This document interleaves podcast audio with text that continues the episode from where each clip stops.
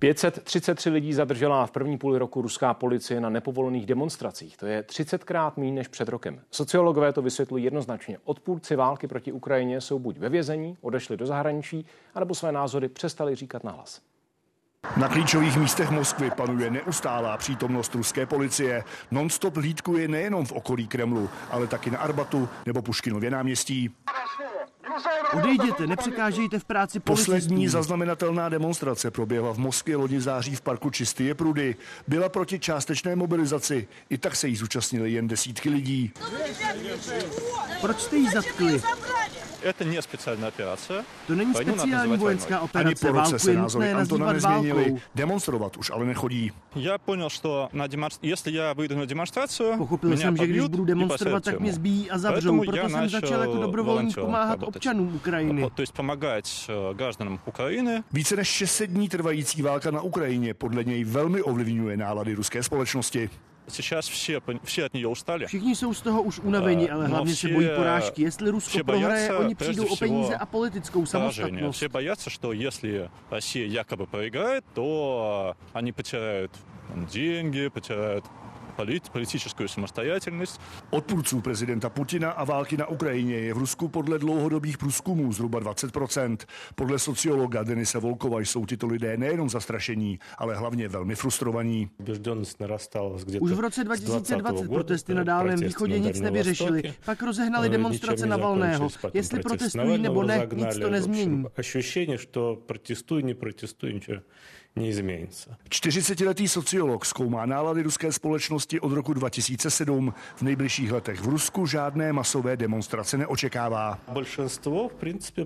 Většina lidí v Rusku je velmi spokojená. Podporují vládu, protože stouply jak výplaty, tak i starobní důchody.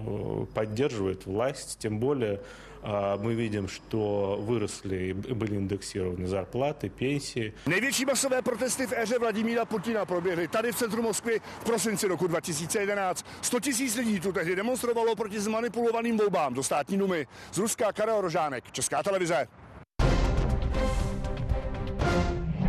Odboráři se připravují na pondělí 27. listopadu. Dva největší spolky, tedy Českomoravská konfederace odborových svazů a Asociace samostatných odborů, oznámili, že budou postupovat při protestu proti krokům vlády společně. Chystají pochod z Pražského náměstí Jana Palacha na Malostranské náměstí, kde se má konat demonstrace. Další pracovníci se zapojí přímo ve firmách. Hlavním důvodem protestů je nesouhlas s konsolidačním balíčkem. Odboráři taky tvrdí, že s nimi vláda dostatečně nekomunikuje. Jedná se o enormní snížení životní úrovně, obrovské poklesy mest a platů, eh, nespokojenost tím, jakým způsobem je řešena momentálně minimální mzda, kam to spěje. Eh, do toho problémy s elektřinou, to znamená enormní růst ceny elektřiny, rozhodnutí vlády v oblasti konsolidačního balíčku, který dopadá primárně na zaměstnance a na jeho rodiny, například zavedení nemocenské. Největší problém do budoucna začíná v tom, že nám vláda zase zdraží cenu elektrické energie. Je to napováženo, protože výroba eh, jedné kWh je někde kolem 60 až 70 halířů a my to platíme obrovskými finančními prostředky. No, tady ve studiu vítám další dva hosty. Karel Haas, poslanec ODS. Dobrý večer. Hezký večer, děkuji za pozvání. A vítám také Romana Ďurča, předsedu odborového svazu Kovo. I vám dobrý večer. Hezký večer vám i divákům. Eh, pane poslanče, vyvolávají chystané protesty v koalici obavy? Eh, já si nemyslím, že vyvolávají obavy. Já myslím, že koalice eh, chystanou stávku odboru respektuje jako demokratický nástroj, to nijak nespochybňujeme. Na druhou stranu se, a je to logické asi, že se v koalici úplně neschodujeme z důvody, které odbory pro chystanou stávku vidí. No, vy nejenom, že se neschodujete s těmi důvody, které odbory vidí jako, jako, jako, eh, jako důvody k té stávce, ale zároveň se neschodujete úplně ani v tom, jak moc těm odborům ustupovat. Eh, například ve věci těch eh, školských odborů a peněz pro školství. Včera se kvůli tomu sešel premiér Fiala s ministrem Bekem, ale bez závěru. Váš postoj tedy. Měla by vláda ustoupit a dát do školství několik miliard navíc oproti tomu, co tam je plánováno na příští rok? Uh, můj osobní postoj, já řeknu jednoznačně, nebude příliš populární, ale budu ho sdílet veřejně. Já si myslím, že by ty peníze být přidané do kapitoly MŠMT neměly a řeknu k tomu hned věcný důvod. Já mám dvě děti školou povinné. Za posledních šest let mezi lety 2018 a 2023 letošním rozpočtem stouply stoupl rozpočet kapitoly MŠMT o 90 miliard korun a není tady větší prostor na detailnější argumentaci, jsem ji schopen dát, ale já se ptám, vidíme všichni, kdo máme děti školou povinné, že by české školství stejně jako do něj přibývá objem, objem rozpočtových prostředků, že by české školství produkovalo vyšší efektivitu, eh, eh, vyšší kvalitu vzdělávání, adekvátní tomuto enormnímu není nárůstu? To, není to tím, že je tak hluboce podhodnocené. Když tady seděl pan předseda školského odboru Dobšík minulý týden, tak hovořil o tom, že ano, ty nárůsty jsou tam sice vyšší, to je prostě statisticky, statisticky statisticky dokázané a dokazatelné, ale zároveň ten problém je ten, že ten základ byl tak nízký a proto ty nárůsty vypadají tak vysoké teď. Já si myslím, že data, a teď nemyslím data národní, myslím data Eurostatu, prokazují, a není to zdaleka teda ve všech sektorech Česka, ale ve školství prokazují, že jsme, řekněme, v první polovině výdajů, co se týká procent, e, procent HDP, a nebo pak, e, řeknu, procent státního rozpočtu ve výdajích do vzdělávání. To znamená, to, co Česká republika do vzdělávání může dávat, e, to si myslím, že dává. To, co si můžeme dovolit, tak do školství dáváme a myslím si, že ty nárůsty za posledních šest let jsou opravdu poměrně vysoké. Pane Ďurčo, z pohledu odboru tedy, o tom, že 27. listopadu bude protest, bude, máte stávka napsáno na tom, ano, ano. Na tom co máte připnuto na, na tom odznaku, co máte připnutý na saku. O tom je rozhodnuto definitivně? Už není cesty zpět? Ano, v rámci odborového svazu je o tom definitivně rozhodnuto. Ten poslední hřebíček byly, eh, bylo to oznámení energetického úřadu, kdy se zvyšují ty poplatky za regulovanou část elektřiny. Eh, u některých podniků to může znamenat opravdu obrovský nárůst, nárůst za energie cen, takže my, my se obáváme opravdu, že by to mohlo ohrozit konkurenceschopnost a zároveň tím i zaměstnanost. Takže máme velké velké obavy v rámci odborového svazu Kovo určitě budeme dostávky a 27. se připojíme jak k těm demonstracím, tak, tak rovněž se budou konat demonstrace v jednotlivých podnicích. Když to otočíme z druhé strany, je něco, co by vás ještě dokázalo odradit od téhle stávky a protestu? Tak myslím si, že ne. I po té debatě teď mimo kulár si, si myslím, že, že ten prostor tam asi nebude žádný, aby, aby nějakým způsobem jsme byli ochotní uh, ty, naše, ty naše protesty stáhnout zpátky, protože... Z jakého důvodu? My tam zatím nevidíme vůli ani... Nevidíte vůli na my tam zatím nevidíme vůli na straně státu, uh, že by nějakým způsobem otevřel opravdu reálný sociální, sociální uh, dialog. No, kdybyste tu vůli vědě, viděli, tak byste byli ochotní ustoupit? No ano, a já myslím, myslím si, že tu vůli neuvidíme, protože to bude stát obrovský, obrovský prostředky. A my máme nějakou cestu samozřejmě, eh, vláda ji vidí jinak a nám tady dlouhodobě chybí sociální dialog a udržení sociálního směru. Podívejte se na to, jak je na tom naše ekonomika. Oni ve světě nás nazývají nemocným mužem Evropy, takže myslím si, že, že eh, vláda má co dohánět a hlavně v tom sociálním dialogu si myslím, že opravdu má co napravovat. Máte promyšlené i další tahy dopředu, co bude po 27. listopadu? Tak tím by to nemělo končit, ale chceme jasně dát vládě jasný signál, že bychom měli začít jednat. Já si myslím, že ten prostor tady pořád ještě je, abychom nějakým způsobem podrželi nejenom ten průmysl, ale když jsme se tady bavili i o tom školství, tak si myslím, že dlouhodobě ty finanční prostředky v tom školství chyběly a je, je opravdu, je opravdu na, na pováženou, zda, zda vláda prostě nevezme nějakým způsobem ty rozhodnutí zpět a do, do toho školství ty peníze nedali. Myslím si, že ten, ty, ty jednání eh, na, na vládě nejsou úplně jednoznační, že některé strany jsou proto, aby, aby do toho školství šly ty peníze navíc. Myslím si, že to vláda mají v programovém prohlášení, takže myslím si, že by to měla splnit. Eh, když se podíváte na rozložení politické scény, na ten konsolidační balíček, který má podporu v obou dvou komorách parlamentu, eh, myslíte si, že je tedy správné protestovat proti něčemu, co má tak širokou podporu? No tak myslím, myslím, že ta podpora je jenom politická, ale ne, veřejnost to nepodporuje rozhodně, protože pokud se podíváme na nějaké průzkumy, kolik lidí věří vládě, tak si myslím, že, že, že ta podpora tady není. A my to v těch fabrikách zažíváme každý den a ptáme se těch lidí a oni opravdu mají, mají strach z toho, co bude, z toho, jakým způsobem jim budou chodit nové účty za elektřinu, takže ty obavy tam jsou na místě. Vnímáte ten argument vlády, která říká, že pokud by tenhle ten konsolidační balíček schválen nebyl, to znamená, zadlužování pokračovalo v daleko vyšším tempu, tempem, tak by vlastně na to nakonec zpětně doplatili všichni, byť by to nemuselo být vidět ten první rok. Určitě, akorát my máme prostě jinou cestu k té konsolidaci těch veřejných financí. Tady by se měla otevřít debata ohledně celého nějakého daňového systému a ten balíček považujeme za, za nesprávný krok. Pane Hási, eh, Když se vrátíme k těm školským odborům ještě, protože to zmínil i pan Đurčo, eh, existuje nějaká šance, že tedy vláda nakonec alespoň něco z toho, co školské odbory chtějí, zejména to se týká třeba ohodnocení těch nepedagogických pracovníků, eh, jejichž platy jsou velmi nízké ve srovnání s, s učiteli a s dalšími složkami, tak že by někde ustoupila, že by našla něco, co by ty odbory dokázalo jak si uspokojit minimálně dočasně? Já nepředjímám konec těch jednání. Já jsem před chvilkou férově nealibisticky odpověděl na váš dotaz eh, sám za sebe odůvodněno těmi čísly za posledních šest let.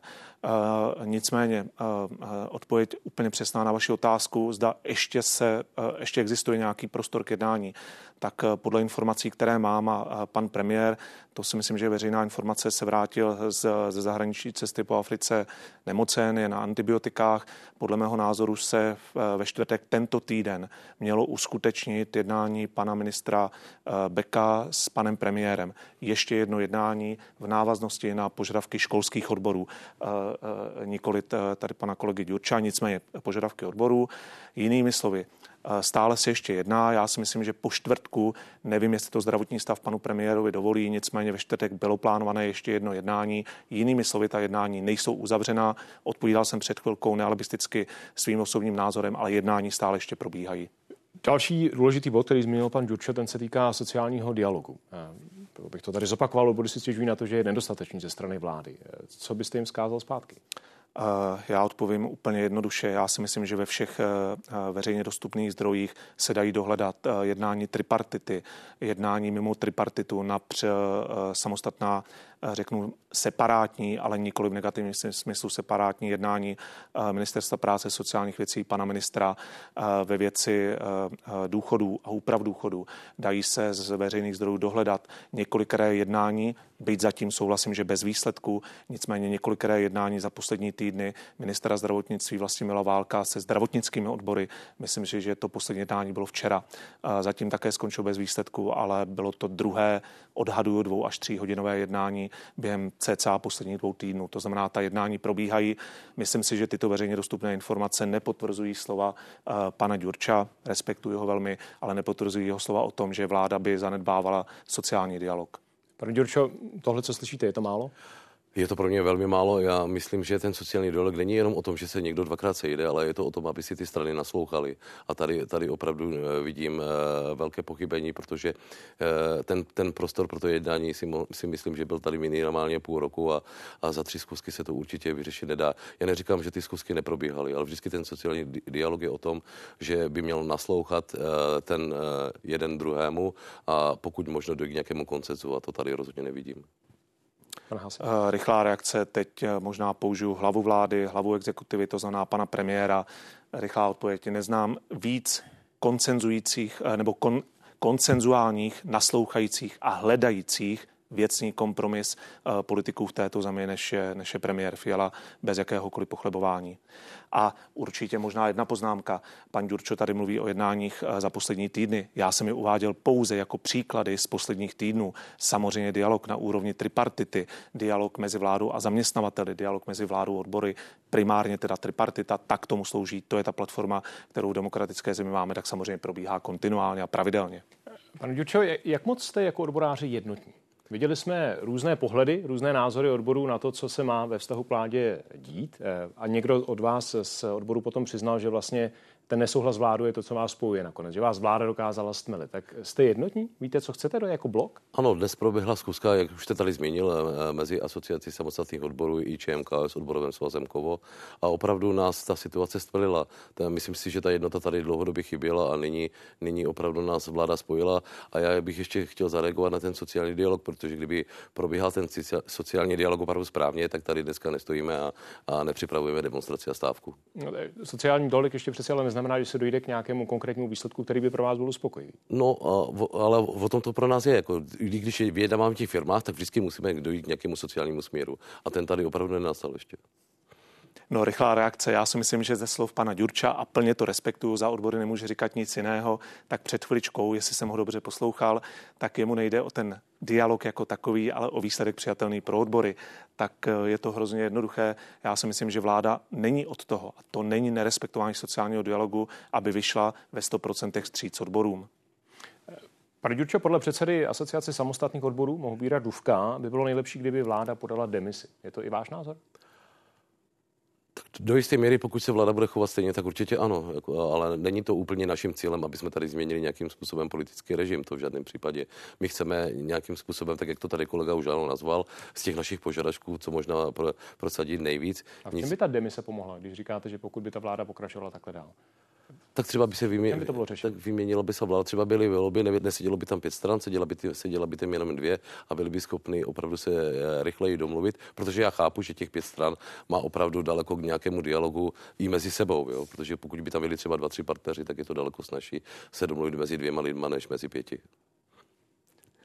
Já, když bych to chtěl odlehčit, tak děkuji panu kolegu Ďurčovi za politologické rady, ale myslím si, a to, je, to se dá říct jednou větou, o vládách v jakékoliv demokratické zemi rozhodují volby, nikoli se vším respektem k odborům, volání odborů. Uvědomili jste si eh, ve vládě, že možná ne všechno proběhlo ve vztahu k odborům dostatečně dobře a dostatečně správně? Není ten 27. listopad vlastně takovým mementem, eh, od kterého byste se měli odrazit ve vládě a, a chovat se vůči odborům, ale nejenom odborům, ale ostatním partnerům jinak? Nebo jste přesvědčeni o tom, že je všechno správně a odbory prostě plní svou roli, kterou, kterou mají, ostatně jste to řekl úplně na mhm. začátku, a, a je to vlastně součást demokratického procesu?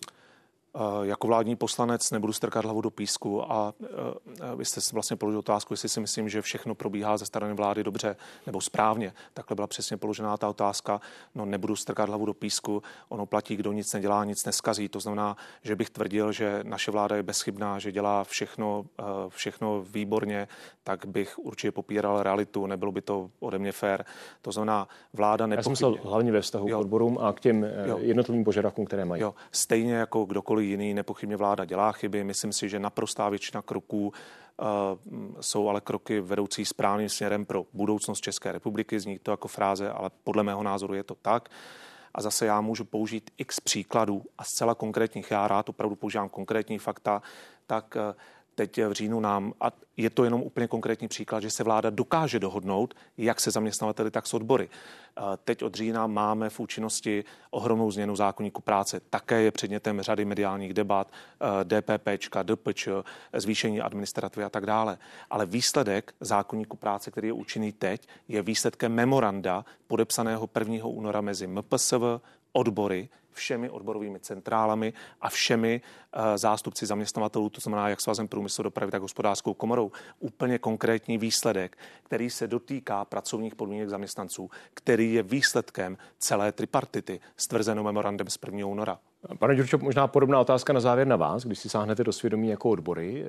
Postupovali byste viděno zpětně eh, stále stejně jako postupujete, nebo přiznáváte, že kdybyste třeba něco udělali jinak, že by i ten výsledek mohl být jiný a že byste třeba mohli dosáhnout některých výsledků, jich jste teď nedosáhli? No, tady si myslím, že jsme žádné pochybení neudělali. Já musím říct, ano, podepsat to, co tady řekl kolega, že na tom, na tom panuje zhoda, ale tady dlouhodobě, dlouhodobě je nějaká dohoda, že pokud se na tom dohodnou sociální partneři, jako jsou odbory a zaměstnavatele, tak ta dohoda bude na světě. A nicméně tady, tady se teď bavíme o dialogu odbory a vláda. Takže ten, to si myslím, že bychom nic jiného neměnili a já pevně věřím, že že ty jednání budou probíhat, že se k něčemu dobereme, k nějakému koncesu, protože toho 27. to taky může být jenom začátek a ne konec. To znamená? To znamená, že to může být začátek protestních akcí, které budou následovat třeba daleko tvrdší. Tak pánové, děkuji mnohokrát za to, že jste byli hosty události komentářů. Hezký večer. Hezký večer. Děkujeme mnohokrát.